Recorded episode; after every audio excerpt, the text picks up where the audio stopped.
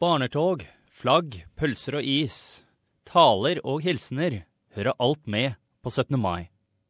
Så jeg tok en prat med Norges ambassadør til Australia, Unni Klaustad, for å høre hvordan hun skal feire 17. mai i år.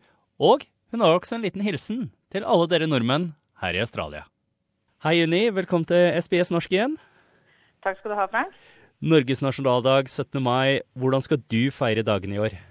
I år så skal jeg feire dagen her i Canberra. Og for første gang på jeg tror veldig mange år, så har ambassaden tatt initiativ til et arrangement for og med den norske kolonien, for å bruke det begrepet, i Canberra. Den er ikke veldig stor, men den er stor nok til at vi kanskje kan få et uh, lite tog gående rundt residensen.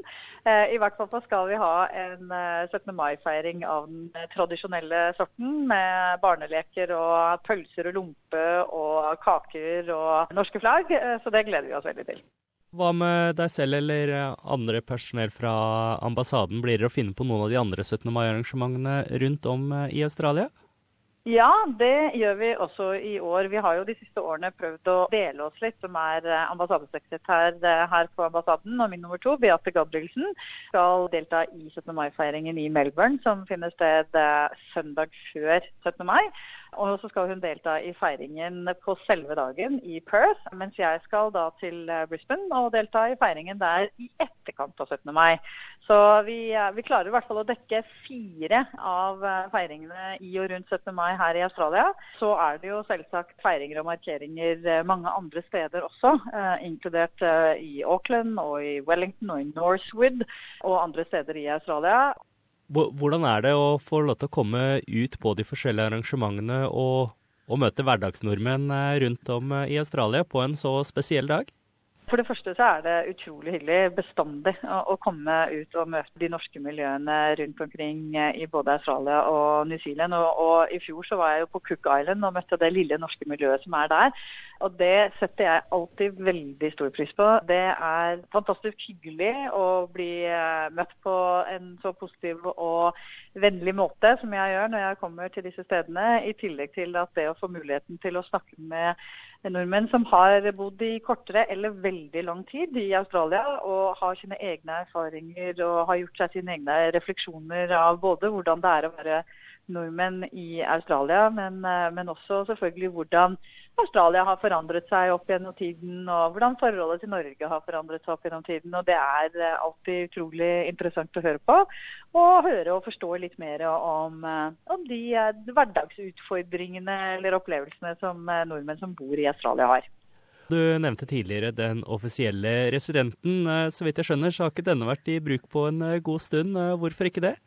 Det stemmer, selv om vi flyttet da inn i en helt nyoppusset residens i august i fjor. Så sånn sett har den jo vært i bruk siden da. Men i to år så var den da under en tiltrengt modernisering og oppussing. Så nå er vi veldig glad for at vi har fått en mer funksjonell residens, som også kanskje har en design og et interiør som reflekterer et litt mer moderne Norge og Skandinavia. Så den har vi blitt veldig stolt av, og, er veldig glad for å ha muligheten til da å invitere til en samling der på 17. mai nå. I tillegg til 17. mai-feiringer, hva annet er den kommer til å bli brukt til? Så den brukes til ganske ulike typer av, om ikke arrangementer, så i hvert fall så er det ulike typer av mennesker og aktører vi samler der. Det er jo alt fra lunsjer og middager i forbindelse med at vi har f.eks. besøk fra Norge i Australia. Eller at vi setter spesifikke tema på dagsorden og inviterer ulike mennesker eller representanter for miljøer som kan bidra til å belyse og diskutere den slags type problemstillinger.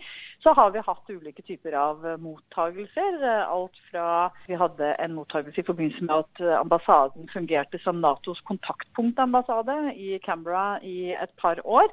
Og vi hadde da en litt mer sånn seremoni i forbindelse med at vi overleverte det ansvaret til våre canadiske kollegaer her i Canberra.